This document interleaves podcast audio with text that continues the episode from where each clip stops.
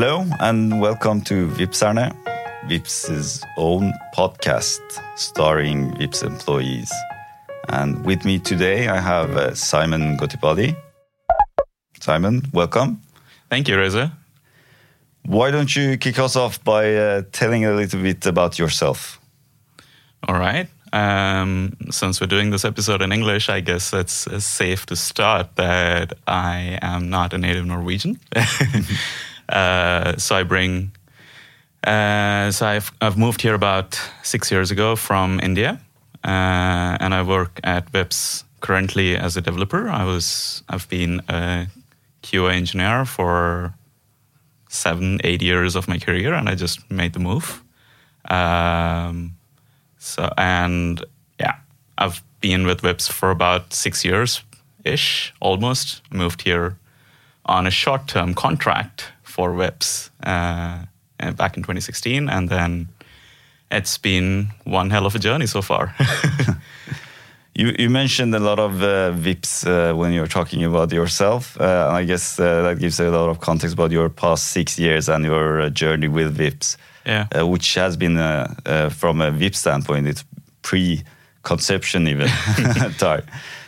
I mean, out of my eight, nine years of working career, if six years is it's been with Vipps, I guess that makes sense that it's part of my life. It's a lot of Vipps is part of my DNA, I guess, if I if I have to say it out loud. But yeah, I mean, but um, it is uh, it has been it has shaped my life and changed the direction of my life. Like working here or being part of this whole uh, journey, it cha- kind of changed my life and shaped my life in a way. Uh, it made me make certain decisions in my life in the past years as well. So it's uh, it has been great.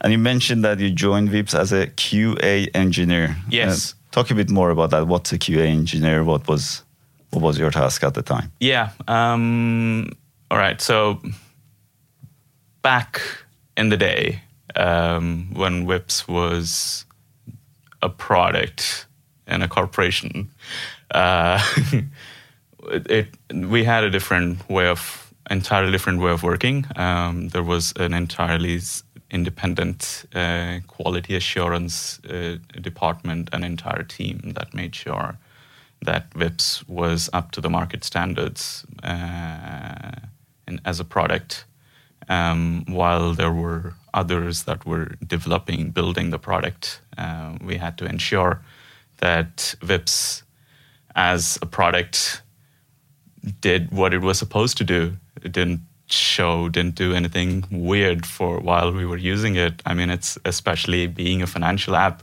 there was quite a bit of pressure that we didn't steal people's money. it's one of the basics. Yeah. You need to get right. yeah. So that was part of my, or most part of my responsibility uh, when I started doing that uh, back in 2016. And that went on for a while. Um, and at some point, uh, I think we made a lot of changes. At one point, uh, I would say back in 2018, um, we called this as Test Center of Excellence. As uh, mm. our team was called the Test Center of Excellence, and I would say we kind of had one mission, one goal, one big goal um, is that we shouldn't be existing in a company like Vipps. Mm. Because this should be everybody's responsibility. Everybody should have it on the back of their head that quality of our product, of what of our services, should be so basic that it shouldn't be a responsibility of a small bunch of people within the organization. And I wouldn't take all the credit, but I would say we kind of met the goal eventually. uh, it was it was a combined effort of the entire organization um, and and so many different aspects that it seemed that our existence was not required anymore. Well, that's super interesting because now uh, we can get to the core of uh, uh, that was kind of the history up to now. Yeah. And you are still a, an engineer, a quality engineer. uh, Part of my job would include quality quality uh, of whatever I build. So so that's so uh, what do you identify as are you just an engineer then or, or is that the idea to stop talking about the narrow spectrum of engineering and talk about quality as a core part of any engineer's life and you are also an engineer Yeah, that's. I, I believe that is how it should be. Um, as an engineer, if we are not building something that's not up to a certain standard, a certain quality, why are we even building it? And you said that you uh, feel successful in your mission of uh, making yourself redundant, uh, but you're still here, Yeah. and you have a lot of value for Vipps hmm still. So what's that value that you and uh, Simon, the person Simon, is bringing to the table in Vipps today? Interesting question.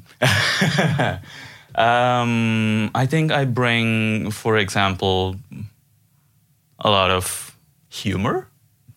uh, if that if that is helpful, um, but I think I also bring, for example, all of the history of what cannot be done or what shouldn't be done. What is what is the what is the what is necessarily not the right way, but what is necessarily the wrong way to do things. And I think that um, we should learn from our fa- past, which is part of our values here. Uh, and since I've been here for, or I've been working with Vipps in different contexts for all this time, I think I've seen mistakes, people doing mistakes and learning from their mistakes, me doing mistakes and learning from my own mistakes. And that I think is good enough value. Well, on a daily basis, uh, now that I'm a brand new developer uh, writing code that actually builds stuff and not breaks stuff, uh, uh, I think it's going to be a while for me to actually bring some value to Vipps in that space. But So I think uh, what we're saying is that you will bring that value, but being productive in the sense of lines of code measurements, which is not something we do here at Vipps, and I Yeah. don't think that's an aspiration that we do. Yeah. I think the um, the value, the total value delivered, is uh, far beyond uh, what's measurable in the number of lines of code that you manage to produce. Uh, and that's uh, uh, that's coding is happening now in which team in Vipps? uh, we call ourselves Team Vennebetaling.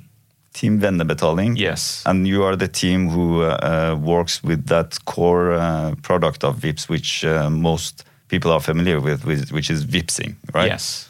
Um, so the payment itself is kind of out of scope for most of the product teams because it's an entirely independent team that handles the actual money management and the transaction uh, part of it. But we are responsible for the products built around it. The And- experience that the users have Yeah. while doing the actual Yes. And somebody, some other team does the actual moving of the money Yeah. around. Um, as an example, we recently got this new um, settlements feature out. For example, we it was a completely entirely rewritten uh, product. Um, well, m- most people like it. Some people don't. And this is, and, and you started mentioning uh, about your experience with uh, with uh, working uh, with different mistakes that you have made in the past, and uh, a lot of mistakes that the engineers make today. And and uh, well, I would say you are, you are talking about it as nonchalantly as I uh, aspire that everyone in in uh, Vipps should talk about these Yeah. mistakes as a valuable lesson. yeah. Uh, and uh, uh, moving on from that, it, that's also we have these uh, three core values in Vipps Mm. that we reiterate uh, and talk about constantly. Mm. Uh, null stress, uh, På lag, smarting. Yeah. Uh, so talking about uh, these values, uh, what do they, um, how do they play to your daily life here at Vipps? Mm. Well, the first time I was introduced to these values, um, to be honest, my uh, perception or my, my skill level in the language Norwegian was even worse, way worse than it is today.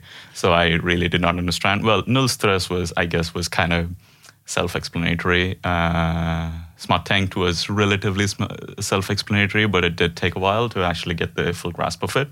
På lag, it took me a while to actually get the right Really? ri- right meaning. Um, but when I did get the get the get the exact or underst- understood what they really meant, I thought these are the values that we should follow in life every day. It doesn't really matter that this is something to uh, to to think about only while we're at Vipps, only while we're working here. But these are these are basically like rules of life in a way. Human values more Yeah. than that's company values. Yeah. Um, so they actually mean a lot to me. That is why when I mentioned earlier that um, some of the values here are part of my DNA, that being på lag or being um, nice to someone, kind to your colleagues, your friends, people around you is something that I live with every day. Like kindness is the highest highest priority for me on any day. Uh, and because we were talking about failures and fuck ups, as we call them here, by, by the way, um, fail, fuck ups, uh, we, we have made it so easy to make mistakes and learn from them. Of course, they can be really stupid mistakes, like, um, but at the same time, like, uh, we, we have to accept the fact that as humans, we make mistakes. If I stop you, with- it can't be stupid mistakes. I always uh, uh, try to stop people from uh, excluding any type of mistakes. Yeah. Uh, uh, but I think what we call stupid mistakes is mistakes where you're not learning anything. Is that the right way to think about it, or are there certain things you should never do? Um, yeah, so that is one way to put it. Uh, mistakes that we don't learn from uh, are obviously, in my opinion at least, are stupid mistakes. Uh, but we cannot also ignore the fact that there are some plain mistakes, not in the context of work, but in in everyday life, um, which in a way can be termed as stupid mistakes. I would say, but this is my personal opinion. Sure, that's what we are looking for. Um, yeah. I lost track of what we were talking about earlier. Wh- why don't you uh, roll us back into uh, um, giving a good example of one of the Vipps's fuck ups that we talked about that you are particularly proud of, which uh, which have taught you the best of the lessons? Right. Um, that's a very, very particular question. On the top of my head, I can think of something that happened not so long ago, and it's fairly funny. Um, there wasn't a um, it wasn't it wasn't a technical mistake. It's it's just a small story. Um, so we were um, having recruitments for our summer students uh, late 2021.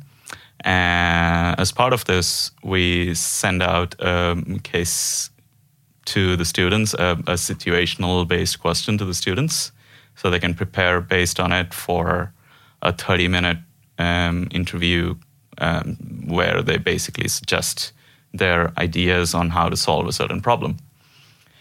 And I was responsible to sending out all the meeting invites and sending out um, these uh, problems to them. And at one point, I thought, oh, it's probably unfair that everybody receives their problem statements on the same day when they don't have the interviews on the same day. So maybe I'll just delay the problem statements, send out the meeting invites, but delay the problem statements to push it on different days.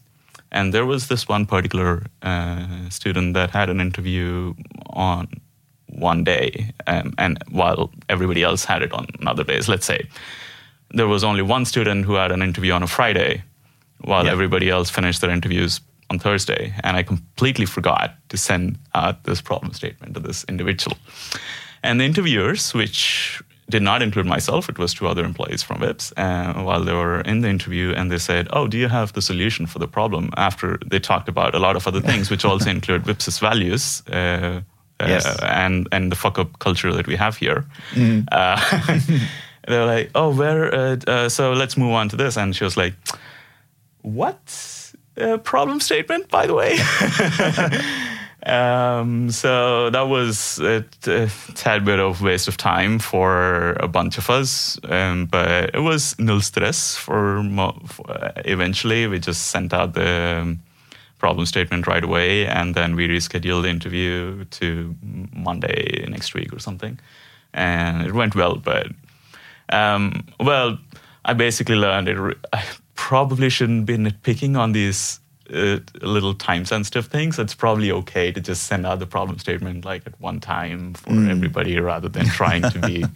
Uh, trying to be very precise about the amount of time each individual gets for the interview. So, There is something to be learned at uh, every corner, I would say. yeah, it was silly, but yeah. Uh, I was also a bit interested in um uh, your perspective because you have a unique perspective uh, of coming from the corp- big corporation side of things. Uh, and I've been thinking about this ongoing merger that we are uh, entering into with uh, MobilePay in Denmark uh, and Pivo in in Finland, uh, and this feeling of Vipps growing into more than a small company, more than a startup, which is a feeling we have cultivated for for long. Uh, what are your perspectives on that? Are there some valuable things from a big corporation that you would uh, you would uh, you are looking forward to to Yeah. embracing more? And what are the um, negative things that you would uh, like us to avoid while we are growing into what we are growing into?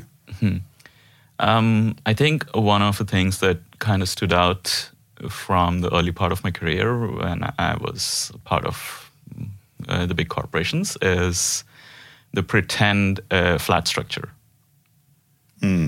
Um, day one of my first job in a tech company, I was told, "Oh, yeah, we have a flat structure here. Everybody's opinion is important." Um, but a week, 10 days down the line, when I actually started being on the floor around people, I did not see that. There was there was clearly a hierarchy, um, and that did not make sense to me. Even though I did spend a few years with them, it was the early start of my career. There, it was a steep uh, learning curve, as it is for most people. Um, I could never embrace the fact about the hierarchy because people should have their opinions said out loud.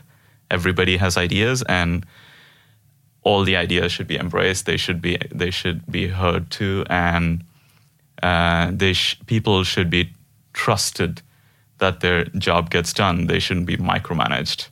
It both eats time and micromanagement basically takes the trust away from the employees, and it kind of creates this, um, or f- uh, at least from my experience of the two, three, four years that I've been in corporations, uh, at least from my experience, I've seen that it kind of creates this um, distrust between the employees and their management. And at the same time, it doesn't give the guys that are working uh, day in, day out um, on something that they should be treating as their own, not as their own. You know, if, um, so they don't have this real attachment towards what they're building. It's just something that they're doing for somebody else because it's their values are not uh, or our values were not uh, really taken into consideration. So, Yeah, and, so- and our ideas were not taken into consideration. So it did not really feel like our we were doing something for ourselves. We were only doing for the bosses. Yeah. So I think what what, what I'm hearing is uh, the importance of a culture of trust Yes. uh, and a sense of ownership to what you're doing, uh, rather than a focus on uh, on presenting a, a, stru- a flat structure. Which, uh, if the culture is not supporting it, then it it would be only for pretend. yeah. and uh, and that's definitely I think uh, a sound advice to take into consideration going forward, and something we should um, cultivate in our culture as well, Mm. uh, and would be valuable lessons that we uh, we reiterate uh, in every step of uh, the coming uh, exciting times which is ahead of us. Yeah. I mean, I would uh, like to thank you for taking the time uh, and joining us uh, for this very interesting talk. yeah. Thank you for inviting Reza. It was a pleasure. Great, thank you again. And we'll be back again soon with uh, some more interesting people from inside the Vipps.